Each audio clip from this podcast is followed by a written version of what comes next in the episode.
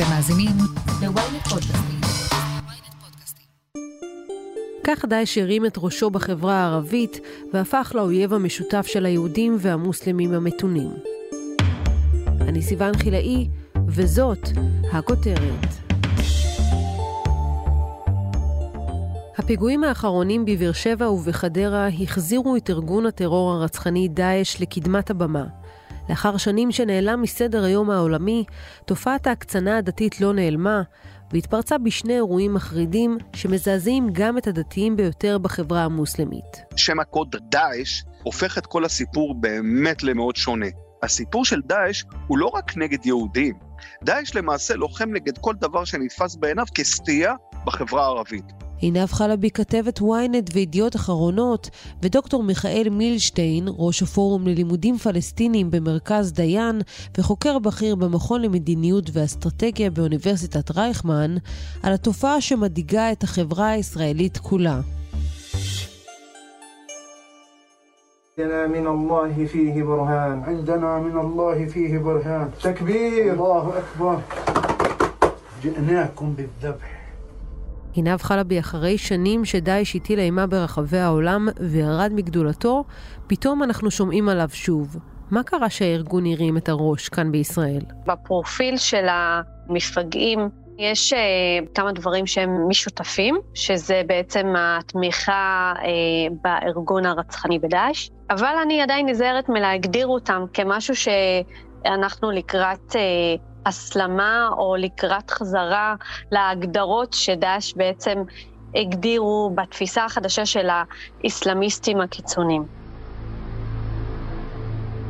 יש כמה סיבות להצטרף לשירות דאעש. אה, מי שדוגל בגישה קיצונית מוסלמית, אז בשבילו דאעש זה מושא הערצה. אבל יש עוד סיבה, והיא גם לא פחות אה, חשובה, השייכות. יש כאלה שמגדירים את עצמם ישראלים או ערבים או אפילו פלסטינים. יש כאן בעיה של זהות. בדאעש, בהגדרות של דאעש, כולם מוסלמים, כולם מוסלמים כשירים, זה תחושה של שייכות, של אחווה ושל שוויון בין כולם. עמל בוטולי לחרקת הון, طبعا أهداف سامي كله تحت أهداف سامي كل شاب اليوم من شبابنا לפני כארבע שנים שוחחתי עם ערבים ישראלים שיצאו להילחם בסוריה ובעיראק. מדובר בעשרות שהיו מוכנים למות מות קדושים, חלקם אפילו חזרו הביתה לישראל. בתחילת שנת 2015, שאנחנו התחלנו לשמוע בעצם על מעצרים, על אנשים ערבים ישראלים, מוסלמים ישראלים, לרוב הם צעירים שניסו להתגייס לדאעש, להיות בין שורות דאעש כלוחמים. ואני מדברת על תקופה שהיא למעשה הייתה תקופת הזוהר של דאעש.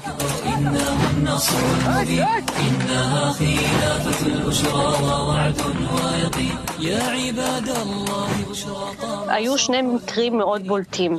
היה מקרה אחד של משפחה משפרעם, שמורכבת מאימא, אבא ושלושה ילדים, שפשוט החליטו אה, לנסוע אה, למדינה האסלאמית ולהיטמע בתוך המדינה הזאת.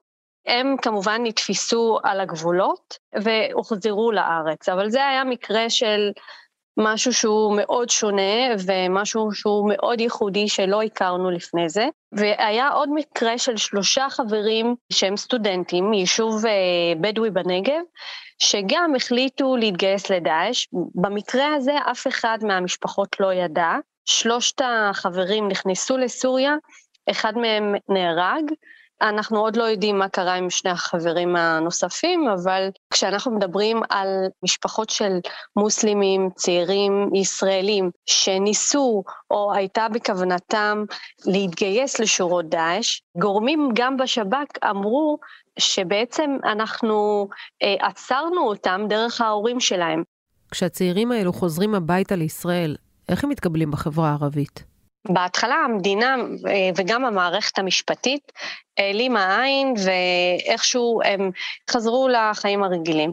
אבל היו כאלה, אה, אחרי כאילו שהארגון הפך להיות מאוד אה, רצחני, עם אג'נדה מאוד קיצונית, מערכת המשפט לא אפשרה בעצם החזרה וגם נתנה ענישה מאוד כבדה לכל אלה שניסו להתגייס או חזרו. בתוך החברה הערבית יש כל מיני עונשים וסנקציות אה, חברתיות ו- ואחרות שהמון, אה, במיוחד צעירים ערבים, מוקיעים את התופעה הזאת ולא ממש רוצים ללכת אה, בדרך הזו. עינב חלבי, תודה רבה לך. תודה סיוון. וזאת הודעה חשובה, רצינית וברורה לכל היהודים. האויב הראשון של המוסלמים, לכל היהודים שכבשו את הארץ של המוסלמים. המלחמה האמיתית עד לא התחילה. וכל מה שהיה לכם מקודם, זה פשוט נקרא משחק ילדים. לעומת זה שהולך לקרות לכם... דוקטור מילשטיין, אמנם מדובר בעשבים שוטים, אבל הם חושפים שוליים קיצוניים בחברה הערבית. סיוון, הייתי קורא להם גידולי פרא שצומחים בקצוות של החברה הערבית. אבל הם לא שוליים לגמרי, כי הם מצליחים להשפיע על ההתנהלות של החברה הערבית. מבחינה מספרית, אני מעריך, ואני עושה את זה בזהירות רבה, אנחנו מדברים על עשרות עד מאות בודדות בחברה הערבית, שמשתייכים, נמנים, אה, מזדהים עם הרעיונות של אה, דאעש, אבל כשהם עושים כבר אירועים, כמו לדוגמה מה שהתרחש בחדרה ובבאר שבע לפני שבוע, יש להם השלכה דרמטית. זה לא חלק ממסגרת ארגונית, זה לא חלק ממבנה אה, סדור עם היררכיה, זה בדיוק מה שדאעש נראה, כלומר אה, השתייכות ונאמנות יותר על בסיס רעיוני, אבל כאמור עדיין אירועים שלכשהם קורים, הם מייצרים דרמות אדירות בחברה הערבית וכמובן במדינת ישראל כולה. הפלג הצפוני של התנועה האסלאמית כבר הוצא מחוץ לחוק בשל הסתה. איפה עובר הקו בין אידיאולוגיה והשתייכות לתנועה האסלאמית לבין תמיכה בדאעש? כאן יש אה, קווים, אה, הייתי אומר, מאוד מאוד אה, ברורים, לא רק קו מפריד, אלא אפילו עוינות, בין דאעש לבין כל מה שנקרא האסלאם היותר ממסדי. גם הפלג הדרומי וגם הפלג הצפוני, שכמו שאת ציינת, הוא יותר מנוכר, יותר מתריס כלפי המדינה, נחשבים למעשה לענפים של תנועת האחים המוסלמים, כשכל התנועה עצמה היא דבר מגונה בעיני דאעש. דאעש תופסת את עצמה כתנועה שמייצגת אה, מאבק נטול רסן, נטול עכבות, אה, נגד כל מי שנחשב אויב של האסלאם, וכל התנועות שמייצגות אה, את תנועת האחים המוסלמים, נתפסות בראייתה ככאלה שהן מסואבות, הן למעשה סוג של איום, סוג של אויב. עכשיו, זה מגיע למצבים כמעט אבסורדיים, שאפילו אה, תנועת החמאס, היא בראיית דאעש אויב, כי היא מסכימה לעשות אה, הגמשות, כמו לדוגמה להגיע להסדרה עם ישראל, כמו לדוגמה להגיע להפסקות אש עם ישראל, מה שדאעש לא מסכימה. עכשיו, בתוך החברה הערבית בישראל, אני חושב שכמעט אין מה להשוות בין העוצמות שיש גם לפלג הצפוני ובעיקר לפלג הדרומי, שהמייצגת שלו זה רע"מ, לבין דאעש, שהיא באמת תופעת שוליים, כלומר אנחנו מדברים באמת על מספר מאוד זעום של אנשים שנמנים עליו, בטח אין לו תשתית אה, ארגונית, תשתית חברתית, ציבורית, כמו של שתי התנועות האסלאמיות, אבל עדיין הם אה, נתפסים אה, כגורם אה, מאתגר, כזה שיכול למעשה לשבש את המרקם החברתי, לשבש את המרקם הפוליטי, וספציפית לגבי רע"מ ולגבי מנסור עבאס, הם נתפסים גם ממש כאיום על כל התוכנית שרע"מ מנסה לקדם, ושאירועים כמו אלה של חדרה וכמו אלה של באר שבע, פשוט יכולים להביא להקרסה מוחלטת של מה שנבנה כאן קרוב לשנה. מיד נמשיך עם הכותרת, אבל לפני כן, הפסקה קצרה. תגידו, מה אתם יודעים על הילדות של סבא שלכם? על ההורים של סבתא? לא הרבה, סביר להניח.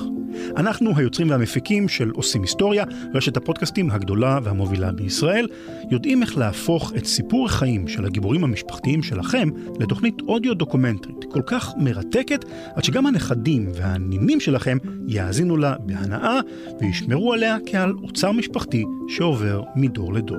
בקרו באתר הבית של סיפור משפחתי, familysounds.co.il. סיפור משפחתי, מתנה שנשמרת לדורות.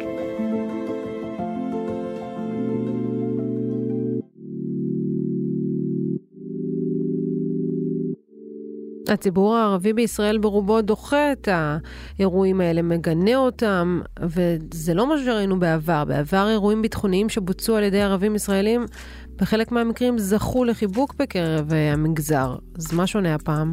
אני חושב שבאמת שם הקוד דאעש הופך את כל הסיפור באמת למאוד שונה. כשכאן, אה, כמעט הייתי אומר, השיוך או ההזדהות עם התנועה, היא ממש מהלכת אימים על הציבור. אני כאן חייב להזכיר, סיוון, שהסיפור של דאעש הוא לא רק נגד יהודים. דאעש למעשה לוחם נגד כל דבר שנתפס בעיניו כסטייה בחברה הערבית. הוא נאבק נגד נוצרים, הוא נאבק נגד להט"בים, הוא מאוד מאוד אנטגוניסטי כלפי אה, נשים. אין ספק שהעמדה צריכה להיות ברורה, אני שמח שהחברה הערבית, מקיר לקיר, מנהיגים פוליטיים, ראשי רשויות, אנשי דת, אה, אנשי משפחות, אה, שבטים בנגב במיוחד, גינו את הפיגוע הזה. הגינויים ששמענו בשבוע האחרון, בעיקר ממנסור עבאס, נגד הפיגועים האלה שהכותרת שלהם היא דאעש, היא לא רק ניסיון, הייתי אומר, לאותת לציבור היהודי, למדינת ישראל, אה, משהו לגבי דרך ההתנהלות של הציבור הערבי, אלא גם ניסיון מבית להבהיר שמדובר כאן ממש באיום, שממש אה, מטיל צל או מטיל אתגר על החברה עצמה, על המבנה שלה, על התפקוד שלה, ויש כאן בימים האחרונים דאגה מאוד גדולה בחברה הערבית, מפני uh, האפשרות שיכול להיות שיש כאן או התחלה או בצבוץ של תופעה שהיא הרבה יותר רחבה. ועד כמה האידיאולוגיה הקיצונית הזאת בקרב צעירים קשורה לפשיעה בחברה הערבית? בשנים האחרונות, כשהתעסקתי עם כל הנושא של אה, קידום תוכניות למאבק בפשיעה ובאלימות בחברה הערבית, כשכל הזמן כמובן הנגע הזה הולך וגואה, כל הזמן חזר אה, המשפט אה, מצד האזרחים הערבים, הדוברים הערבים שאני הייתי איתם במגע, לא לעד הפשיעה והאלימות תהיה מתוחמת למרחב הפלילי, ולא לעד היא תהיה מתוחמת לחברה הערבית. יהיה יום שהעסק הזה יתחיל להתהפך, והעסק יתחיל אה, להיות בעל מימדים לאומניים, ויפגע גם ביהודים.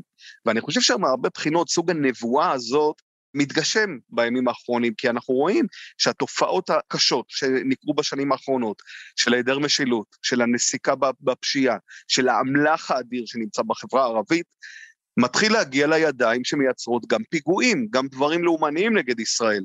אני לא הייתי אומר כמובן שכל גורמי הפשע כרגע הם uh, הופכים להיות גורמים לאומניים, אבל זה ברור שלגורמים הלאומניים ולגורמים הקיצוניים כמו אלה שפעלו השבוע, יש מרחב לא רע שהם יכולים לחיות בו, להשיג במסגרתו אמל"ח, לגייס אנשים, ליצור פעולות ופגיעות, ויש לינקג' בין העניינים, ואני חושב שטוב תעשה המדינה אם היא תייבש מהר את הביצה הזאת של הפשיעה והאלימות, שהיא אחת הביצות שעליהן בסוף נובטים גם הזרעים ההרסניים האלה של דאעש. אחרי הפיגוע בבאר שבע, החמאס והג'יהאד האסלאמי מיהרו לשבח את המחבל על הפיגוע, וזאת למרות שיש יריבות, שלא נאמר שנאה עזה, בין שני הארגונים האלה לבין דאעש. ואני חושב שכאן בצורה מאוד מניפולטיבית ומאוד אינטרסנטית, הם בכלל לא מדברים על זה שהאחריות ניתלה בשם דאעש, הם מדברים על זה שעכשיו אני נוקט בלשון של חמאס, ערביי ישראל הגיבורים הם אלה שמניעים את הפעולות ההירואיות, מה שהם קוראים להם, אה, נגד ישראל, כשהם מנסים כמובן להמשיך וללבות את האווירה, להמשיך וללבות את היצרים ערב רמדאן, כשמה שחמאס עושה כאן, וזה בצורה שיטתית והייתי אומר אפילו בוטה מאז uh, תום מבצע שומר החומות, היא ממשיכה לשמר את רצועת עזה כמקום יחסית רגוע, מקום שבו יש הסדרה, מקום שבו ישראל מרחיבה את כל ההיתרים האזרחיים, אבל היא רואה לעצמה חופש מוחלט להמשיך ולקדם פיגועים וללבות את היצרים בכל הזירות האחרות, שזה ירושלים ואיו"ש והחברה הערבית פה בישראל. ואני חושב שזה מסוג הדברים שישראל צריכה לתת עליהם את הדעת ותציב בפני חמאס סוג של איתותים או סוג של הגבלות, כדי שלא ייווצר מצב שבו התנועה ממשיכה לקדם פעילויות מאוד חתרניות במקומות שהם לא רצועת עזה.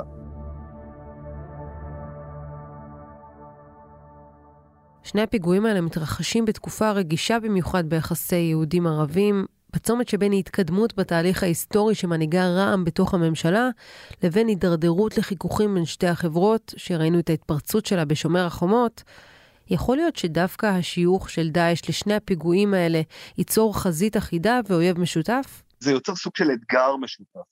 ואני מתקשה לראות איך ממש כולם כאן משלבים זרועות נגד uh, אותו אתגר. מה שכן, וזו נקודה שאת ציינת בהתחלה ואני מאוד מסכים איתה, אנחנו נמצאים בנקודה מאוד מאוד רגישה ביחסי יהודים וערבים ויחסי החברה הערבית עם המדינה עצמה. אירועים כמו של אתמול יכולים בקלות ובמהירות להביא למעשה לקריסה של כל הניסיון שנבנה כאן במשך שנה שלמה, הניסיון הדרמטי של רע"מ למעשה לפתח נוכחות בתוך המרחב הפוליטי והמרחב הציבורי במדינת ישראל. ואם הניסיון הזה יקרוס, בעצם אין חלופה אחרת למעט המשך התמודדות עם עוד הרבה תופעות של דאעש.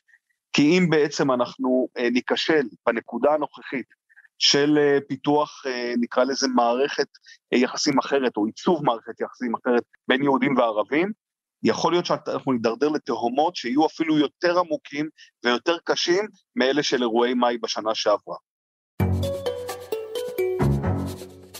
אז שאלת השאלות, איך חוקרים את דאעש מהחברה הערבית? אז uh, אנחנו באמת מתמודדים עם uh, שאלה מאוד מאוד uh, כבדה, שחייבים להתעסק uh, בזווית רב-מימדית.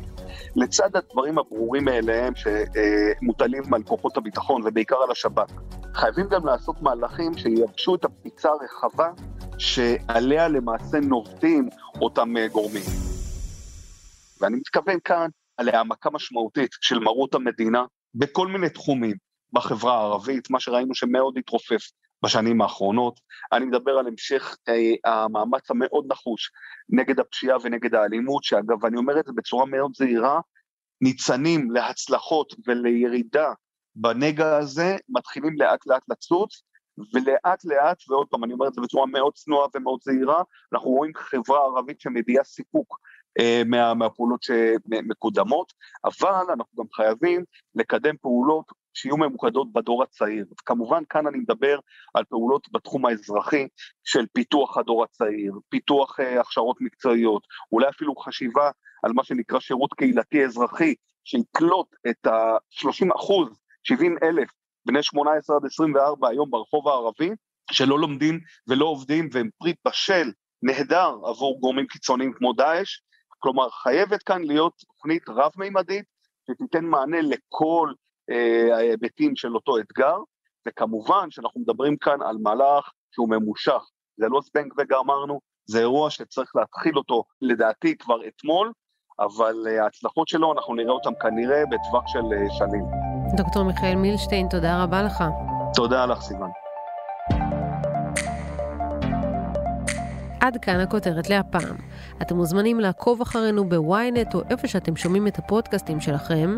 אם זה קורה בספוטיפיי או באפל פודקאסט, אתם מוזמנים גם לדרג אותנו ולהזין לפרק נוסף שלנו על האסלאמיזציה בחברה הערבית, המבחן הגדול של המסית מהצפון.